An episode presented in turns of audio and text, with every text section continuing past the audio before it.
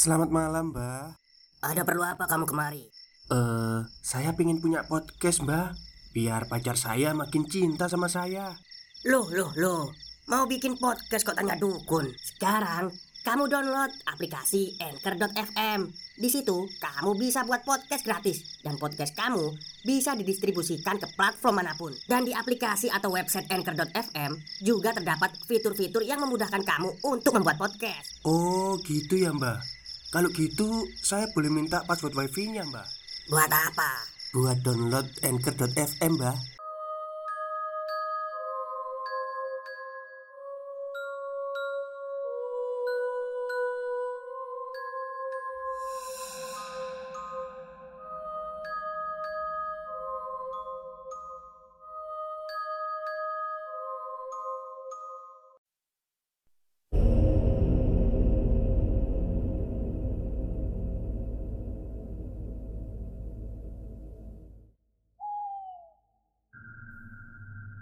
Assalamualaikum warahmatullahi wabarakatuh. Halo semuanya Jumpa lagi dengan saya Chow Sing Sing Kurator dari podcast Horror Night Story.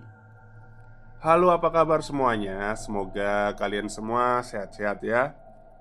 Dan seperti biasanya pada siang hari ini Saya kembali dan akan menghadirkan sebuah kisah mistis untuk kalian semua Kisah mistis kali ini adalah lanjutan dari yang kemarin Dari treat horornya Mas Bon Kiong Yang menceritakan tentang jejak. Judulnya jejak ya. Oke, daripada kita berlama-lama Mari kita simak ceritanya. Ucapan Bu Min membuat Pak Darso dan Bu Ani terkejut bukan main.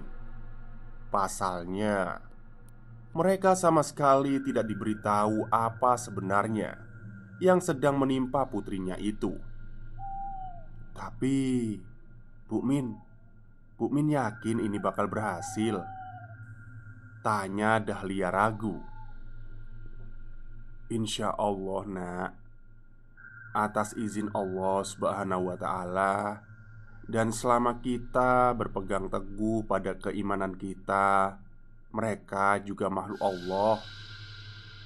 Ucap Bu Min meyakinkan Dahlia. Iya bu.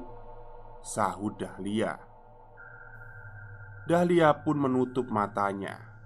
Mencoba mengkilas balik apa yang terjadi tadi siang. Dahlia dan Pak Darso tiba di depan pintu rumah Pak Surya. Setelah satu minggu lamanya mereka tidak ke sana karena harus berpulang ke kampung halaman. Namun, apa yang mereka temukan di teras depan rumah merupakan hal yang tidak biasa. Banyak sekali jejak kaki anak kecil di sana. Pak Darso yang khawatir bila ada anak-anak kecil yang masuk dan bermain di pekarangan samping rumah, segera berlari di pekarangan samping memastikan tidak ada jendela atau pot bunga yang dirusak oleh mereka. Sesuai arahan ayahnya, Dahlia pun menunggu di depan pintu depan rumah. Tak berselang lama, Dahlia mendengar suara ketukan di jendela depan rumah yang berada tepat di belakangnya. Ia pun terkejut dan menoleh ke arah jendela. Betapa kagetnya Dahlia saat melihat ada seorang anak kecil perempuan dengan wajah yang sangat cantik sedang berdiri di dalam rumah. Anak itu memegang boneka beruang warna putih sambil melambaikan tangannya kepada Dahlia. Dahlia yang terkejut segera membuka pintu depan rumah dan berlari ke dalam.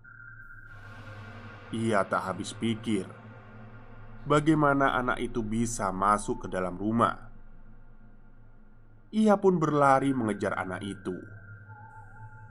Dahlia kini berada di ruang tengah Tempat berkumpulnya keluarga Pak Surya dulu.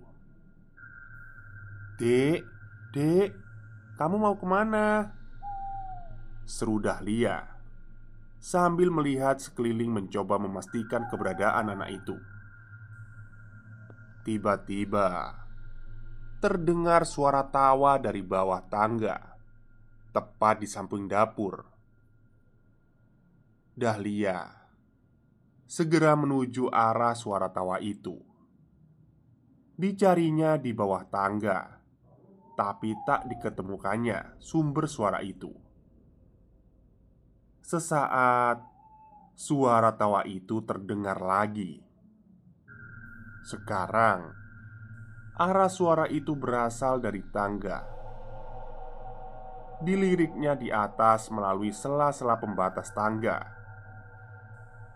Di pembatas tangga di lantai dua, dia melihat ada anak kecil perempuan mengintip ke arahnya dan langsung berlari menghilang lagi. Dahlia pun kembali mengejar si anak kecil itu lagi Sesampainya di penghujung anak tangga terakhir, Dahlia melihat anak itu berlari masuk ke dalam ruang kerja Pak Surya. Dahlia tahu betul ruang apa itu. Ia tahu bagaimana ayahnya sangat menjaga ruangan itu agar tidak ada yang memasukinya. Hanya ayahnya sajalah yang diizinkan oleh Pak Surya masuk ke dalam ruang kerjanya. Dengan langkah sedikit ragu, Dahlia mencoba memberanikan diri memasuki ruang kerja Pak Surya. Ia membuka pintu ruangan itu dengan perlahan. "Dek, Dek, kamu di dalam?" Tanya Dahlia kepada si anak kecil itu. Ia mulai melangkahkan kakinya Masuk ke dalam ruangan itu. Dilihatnya sekeliling Tidak ditemukannya si anak. Matanya terus mencari sekitar. Sampai akhirnya pandangannya terhenti pada sebuah buku tua Di atas meja kerja Pak Surya. Penasaran Dahlia pun mencoba melihat buku itu. Sebuah buku yang terlihat sudah lapuk dan berdebu. Sampulnya terbuat dari bahan seperti kulit sapi, dan lembaran-lembarannya terbuat dari serat-serat kayu yang halus tidak beraturan, seperti sebuah kitab kuno. Dibukanya sampul buku itu Lembar demi lembar ia perhatikan. Tidak menemukan adanya keanehan. Hanya tulisan-tulisan Dan simbol-simbol yang tidak ia pahami artinya. Sampai pada sebuah halaman tangannya terhenti membuka lembar berikutnya. Matanya terpaku pada sebuah gambar Seperti lukisan yang terukir cantik dengan sketsa pensil sketsa lukisan seseorang. Dahlia tiba-tiba tersentak. Ia menyadari sesuatu. Lukisan itu mirip sekali dengan paras si anak kecil yang tadi ia lihat di jendela. Ya, anak kecil yang menuntunnya memasuki ruang kerja Pak Surya. Di bawah lukisan itu tertulis sebuah nama.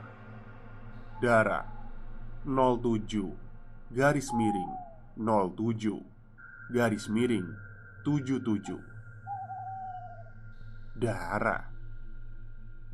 Tanpa sengaja Dahlia menyebutkan nama itu. Tiba-tiba saja Dahlia merasakan seakan ada sesuatu yang datang mendekat kepadanya dari belakang namun perasaan tidak nyaman itu membuat Dahlia tidak berani menoleh ke belakang. Perlahan Ia merasakan seperti ada sesuatu Yang menyentuh punggung bagian bawahnya. Merayap pelan menuju ke arah perutnya. Seakan sebuah tangan kecil berusaha untuk merangkul pinggangnya.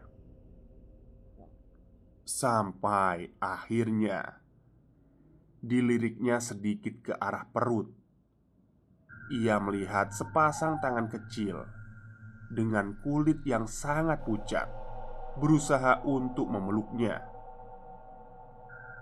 Merinding dan takut, itulah yang dirasakannya saat itu. Namun, ia tidak bisa berbuat apa-apa. Seakan sesuatu menahan tubuhnya untuk segera bergerak. Ia merasakan tangan-tangan itu perlahan merayap naik ke atas tubuhnya, seakan sosok pemilik tangan itu sedang memanjatnya. Tubuhnya masih terpaku. Ia tak mampu bergerak barang sedikit pun, sampai akhirnya sepasang tangan tersebut melingkar di pundaknya. Ia merasakan ada sesuatu yang mendekat, menghembuskan nafas yang begitu dingin di telinga belakangnya. Lalu, dengan nada lirih berkata, "Kakak."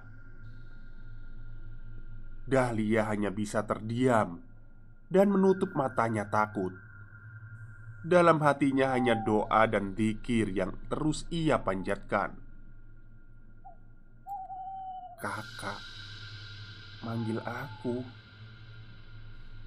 Batin Dahlia Suara itu terdengar lagi. Mendengar itu seperti mendapatkan kekuatannya kembali. Dahlia berbalik Dan melepaskan tubuhnya dari tangan itu. Ia bergegas berlari menuju pintu namun sialnya, tiba-tiba saja pintu ruangan kerja tersebut terbanting dengan keras, menutup rapat. Dahlia mencoba membuka pintu itu dengan keras. Digedor, ya, pintu ruangan Pak Surya digedor dari dalam, berharap mendapatkan pertolongan. Pak, Bapak, Tolong pak. Hanya Allah dan ayahnya yang Dahlia ingat saat itu. Dia mengharapkan keajaiban dari Allah. Dan Tiba-tiba Pintu terbuka keras Menghembaskan tubuhnya ke lantai. Sudah cukup Ucap Bukmin tiba-tiba. Setidaknya kita tahu Siapa yang bawa kamu ke sana? Pak Darso dan Bu Ani hanya terdiam mendengar cerita Dahlia. "Kenapa, Pak? Bu?" tanya Dahlia bingung. "Dara. Dara adalah putri pertama Pak Surya." Kata Bu Min melanjutkan. "Putri Pak Surya?" Dahlia semakin tidak paham dengan apa yang terjadi. Iya, tapi sekarang sudah tidak ada. Pak Darso menjelaskan.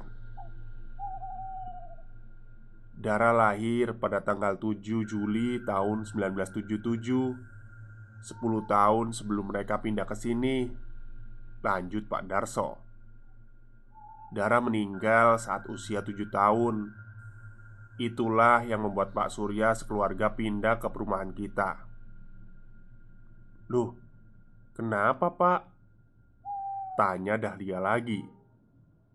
Katanya sih untuk menenangkan hati Bu Cahya, istrinya, timpal Bu Ani. Tapi sepertinya bukan itu alasan sebenarnya. Lanjut Bu Ani. Ibu sudah curiga dari awal pindah, mereka cuma bawa dua tas gembol. Emang dasar bapakmu aja yang gampang banget percaya sama orang. Apalagi kalau mereka ngaku-ngaku lagi kesusahan. Halah. Tegas Bu Ani dengan nada sedikit emosi. Ya nggak gitu juga, Bu. Mereka kan memang butuh bantuan waktu itu. Timpal Pak Darso mencoba menjelaskan Iya Tapi Bapak lihat sendiri kan Apa yang terjadi di keluarga mereka Saud Bu Ani masih dengan nada meninggi Sudah, sudah. Bu Min memotong, mencoba menetralkan. Sekarang yang penting adalah kondisinya Dahlia. Lanjutnya, mereka semua terdiam, masing-masing mencoba menenangkan dirinya. Jadi, aku harus gimana, Bu? Tanya Dahlia. Bu Min hanya tersenyum sembari berkata, "Tenang, Nak. Kamu hanya bersentuhan belum sampai terkontaminasi. Jadi, Bu, lanjutnya lagi. Mandi wajib ya, sama sholat tobat. Tegas Bumin. Itu aja, Bu. Saud Dahlia penasaran. Ya, nggak sampai di situ. Kamu tahu kan bacaan dikir pagi petang? Lanjutnya, Dahlia hanya menggeleng. Bu Min pun meminta kertas dan pulpen. Bu Ani segera memberikan apa yang Bu Min minta. Di kertas itu Bu Min menuliskan Al-Baqarah 5 ayat pertama Ayat kursi. Al-Baqarah 5 ayat terakhir Al-Ikhlas 3 kali Al-Falak dan Anas. Dahlia yang melihat itu pun bertanya Sebanyak ini bu? Itu belum semua Tapi itu aja dulu yang penting kamu amalkan. Ucap Bu Min sambil tersenyum kepada Dahlia. Ia pun segera memalingkan tatapannya pada Pak Darso dan Bu Ani. Tersenyum hangat sambil berkata Tidak ada dendam yang saya pendam. Kalian tidak bersalah kok.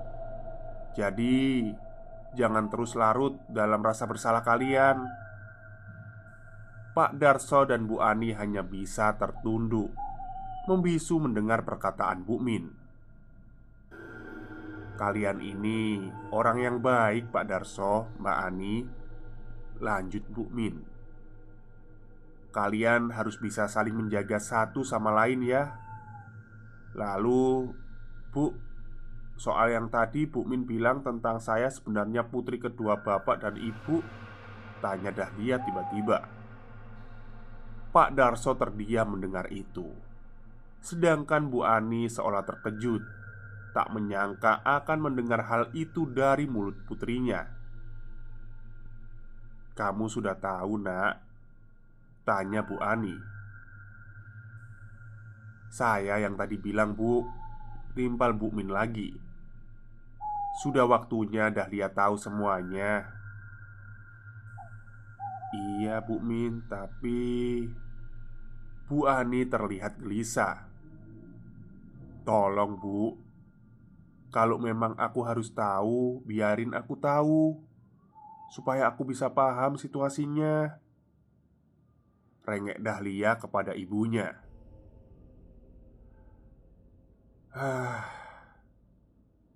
Bu Min pun menjelaskan Dara itu meninggal belum tepat usia tujuh tahun. 7 Mei 1984 Tanggal kematian Dara. Semua terdiam mendengar hal itu. Namun Dahlia seolah terperanjat kaget. 7 Mei? Seru Dahlia. Bu Min hanya bisa mengangguk Seolah paham kenapa Dahlia terkejut Dahlia segera berlari ke kamarnya. Tak lama, ia kembali dengan sebuah buku not kecil. Dahlia meletakkan buku itu di tengah-tengah mereka duduk. Aku nemuin buku ini di laci kamar. Padahal seingatku aku nggak pernah beli buku ini. Pak Darso dan Bu Ani seolah terkejut melihat buku itu. Nah, ucap Pak Darso. Tapi bukan itu yang aneh. Selah Dahlia. Ia membuka sebuah halaman pada buku itu dan menunjukkan sebuah tulisan. Memori gadis 7 Mei 1989 Tak bisa berkata apa-apa Bu Ani tiba-tiba saja menangis. Dahlia tidak mengerti apa yang sebenarnya sedang terjadi. Gadis itu adalah kakak perempuanmu, Nak. Jelas Pak Darso kepada Dahlia. Dahlia yang mendengar itu benar-benar terperanjat kali ini. Kakak, kakak perempuanku. Tanggal kematian gadis sama persis dengan tanggal kematian darah Selabu Min. Ketika itu, Gadis berusia 17 tahun Lanjutnya. Tapi kan Setelah Dahlia bingung. Iya 1989 kamu sudah lahir. 10 tahun ya kalau nggak salah Sambung Bu Min Kakakmu waktu itu berusaha menarik kamu yang terpleset dari lantai dua rumahnya Pak Surya Kalian berdua akhirnya terjatuh di pekarangan samping Waktu itu di sana belum ditanami rumput seperti sekarang. Dahlia bingung mendengar penjelasan Bu Min tersebut. Bu Min pun melanjutkan, "Kakakmu jatuh, membentur batu besar tepat di kepala belakangnya. Kamu selamat, hanya saja." Perkataan Bu Min terputus ia menatap ke arah Pak Darso dan Bu Ani Berharap salah satu dari mereka yang akan melanjutkannya Kamu kehilangan ingatan nak Lanjut Pak Darso menyambung penjelasan Bu Min Terus kenapa nggak pernah ada yang Karena kami sendiri tidak ingin mengingat kejadian itu. Seru Bu Ani yang memotong pertanyaan Dahlia. Sakit nak, sakit rasanya. Kalau harus mengingat kejadian itu Apalagi Kalau harus mengingat penyebabnya. Lanjut Bu Ani seraya menderu tangis Bukannya mbak gadis jatuh karena berusaha menyelamatkan aku bu? Bukan. Selabu Min. Bukan apa yang menyebabkan gadis meninggal. Dahlia menoleh ke arah Bu Min Mencoba mencari jawaban dari maksud perkataannya. Tapi Penyebab kamu terpleset dari lantai dua itu Lebih tepatnya Apa yang mendorong kamu waktu itu Mendengar hal itu Dahlia semakin terkejut Penjelasan yang seolah menuding sesuatu atau seseoranglah yang menyebabkan kejadian tragis itu. Bu Cahya, lanjut Bu Min, nama yang tidak asing bagi Dahlia. Itu adalah nama istri Pak Darso. Bu Cahya, nak, yang mendorong kamu waktu itu, tegas Bu Min. Betapa terkejutnya Dahlia mendengar hal itu. Bu Cahya istri dari atasan bapaknya berusaha membunuhnya. Saya yang menyaksikan kejadian itu. Itulah kenapa Pak Surya berusaha membungkam saya dengan menyingkirkan saya. Lanjut Bu Min. Beberapa malam setelah kejadian itu, Pak Surya memanggil Bapak ke rumahnya.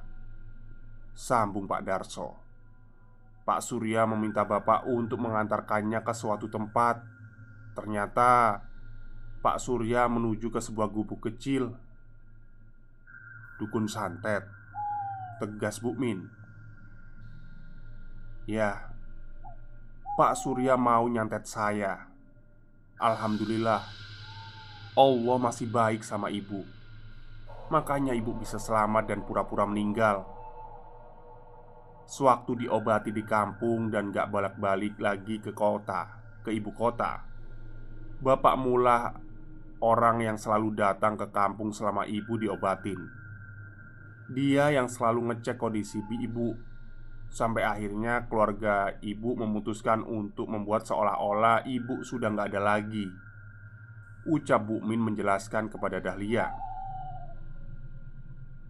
Saya nggak nyangka Ternyata Bu Min masih hidup Bahkan masih sehat walafiat Sambung Pak Darso. Tapi Kenapa sekarang Bu Min balik dan menemui kami? Tanya Bu Ani penasaran. Bu Min tersenyum Saya ingin memastikan kalau keluarga kalian baik-baik saja. Dahlia kan saya yang bantu persalinannya? Jadi udah terasa seperti anak sendiri. Lanjut Bu Min sembari tertawa ringan. Sebenarnya Istri Pak Surya itu orangnya sangat baik.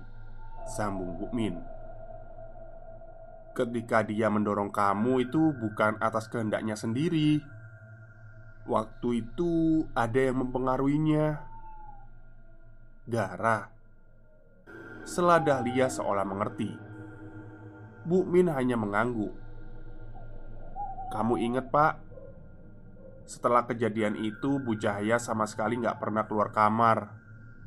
Tanya Bu Min kepada Pak Darso. Pak Darso hanya mengangguk Namun tetap menyimak seakan tidak paham arah penjelasannya.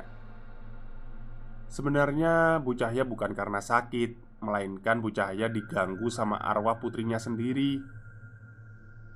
Mendengar hal itu, semua yang ada di situ terdiam. Seolah nggak percaya dengan apa yang dijelaskan oleh Bu Min. Begitu halnya dengan Dahlia Namun karena ia pun mengalaminya Rasanya sulit untuk tidak mempercayai penjelasan dari Bu Min Sampai akhirnya meninggal Tanya Dahlia menyambung penjelasannya itu Iya nak Balas Bu Min Tapi kenapa aku bu? Kenapa Dara mau bunuh aku? Kamu lahir kapan? Tanya Bu Min 7 Juli 1979 Jawab Dahlia. Tiba-tiba Dahlia terdiam usai mengucapkannya. Ia teringat akan sesuatu. Dara. 7 garis miring 7 garis miring 77 Matanya terbelalak seolah mengerti. Tanggal lahirnya? Seru Dahlia terbata. Iya Tanggal lahir kalian sama. Tegas Bu Min. Seakan Ingin membuatmu bernasib sama sama dia. Darah juga merasuki tubuh Bu Cahya Untuk mendorong kamu dari lantai dua. Mungkin kamu juga tidak ingat Kalian terjatuh dari jendela Di ruang kerjanya Pak Surya. Dahlia terdiam Seolah mulai memahami arah cerita ini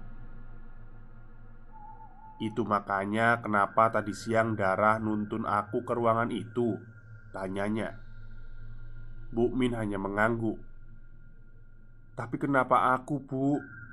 Apa karena tanggal lahir kami sama? Enggak juga Yang darah ganggu sebenarnya bukan kamu Melainkan ibunya Bu Cahya Jawab Bu Min Loh, buat apa dia mengganggu ibunya sendiri? Tanya Bu Ani tidak paham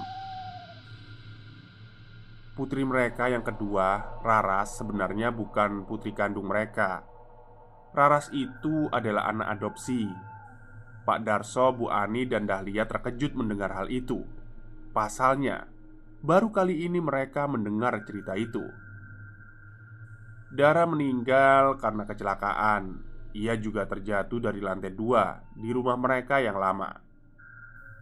Hal itu yang disebabkan karena temperamen Bu Cahya yang tanpa sengaja memukul Dara terlalu keras hingga sampai terjatuh di tangga. Ucap Bu Min menjelaskan. Bu Min memang mengetahui banyak hal dan rahasia mengenai keluarga Pak Surya. Pasalnya Bu Min telah bekerja untuk keluarga Pak Surya selama 19 tahun Tepat sebelum lahirnya Dara Terlebih Bu Min pun mengetahui sumber kekayaan keluarga mereka Tidaklah didapat dari jalur yang halal dan normal.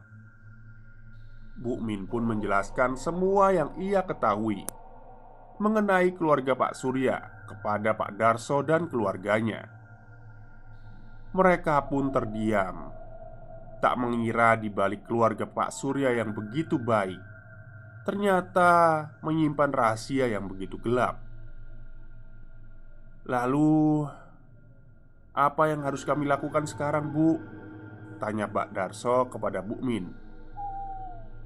Nggak apa-apa Pak Darso tetap membersihkan rumah itu saja sesuai pesanan Pak Surya Saya akan menemani Bapak Terus bagaimana dengan Dahlia? Tanya Bu Ani Insya Allah nggak apa-apa kok Bu Jawab Bu Min Tapi Tetap amalkan yang sudah saya kasih ya. Stop, stop. Kita break sebentar. Jadi gimana? Kalian pengen punya podcast seperti saya? Jangan pakai dukun, pakai anchor, download sekarang juga. Gratis. Dahlia hanya bisa mengangguk mengikuti arahan Bu Min. Sampai terakhir kali saya main ke rumah teman saya di daerah timur Bekasi pun Pak Darso sudah tua sekarang. Masih rajin ke rumahnya Pak Surya untuk membersihkan rumah itu. Pak Surya sepertinya juga belum berniat untuk menjual rumah itu. Dahlia, putri Pak Darso, juga sudah menikah dan menetap di Jakarta bersama suaminya. Bu Ani kini sudah tiada. Ia wafat pada tahun 2010 karena penyakit. Dan Bu Min entah ke mana perginya. Beberapa tahun setelah kejadian, ia menutup warungnya dan pergi tanpa kabar sampai saat saya mendengar cerita seperti ini. Untuk teman-teman Twitter yang sudah membaca cerita ini, tidak perlu tahu dan menanyakan lokasi tepatnya di mana. Karena seperti yang sudah saya sampaikan di awal, saya hanya ingin berbagi, bukan untuk menguji nyali teman-teman semua. Ambillah yang bisa diambil tepikan yang memang tidak baik dicontoh.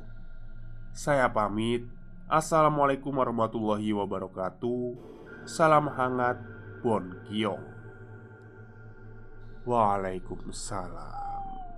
Terima kasih kepada Mas Bon Kiong yang sudah menuliskan tweet ini ya. Jadi ini tweetnya berdasarkan kisah nyata ya. Ya, Mungkin gini ya Ya bisa jadi kayak Arwahnya si Dara ini Kayak dendam sama ibunya sendiri Karena kan didorong Bukan didorong ya nggak sengaja gitu Mukulnya tuh sampai jatuh Tapi kan seharusnya sebagai ibu kan nggak boleh gitu. Kita kan sebagai orang tua itu harus memberi kasih sayang pada anak kita gitu. Misalnya anak kita nakal itu kan ya jangan main pukul lah. Kayak ya udah dinasehati baik-baik dikasih contoh gitu kan.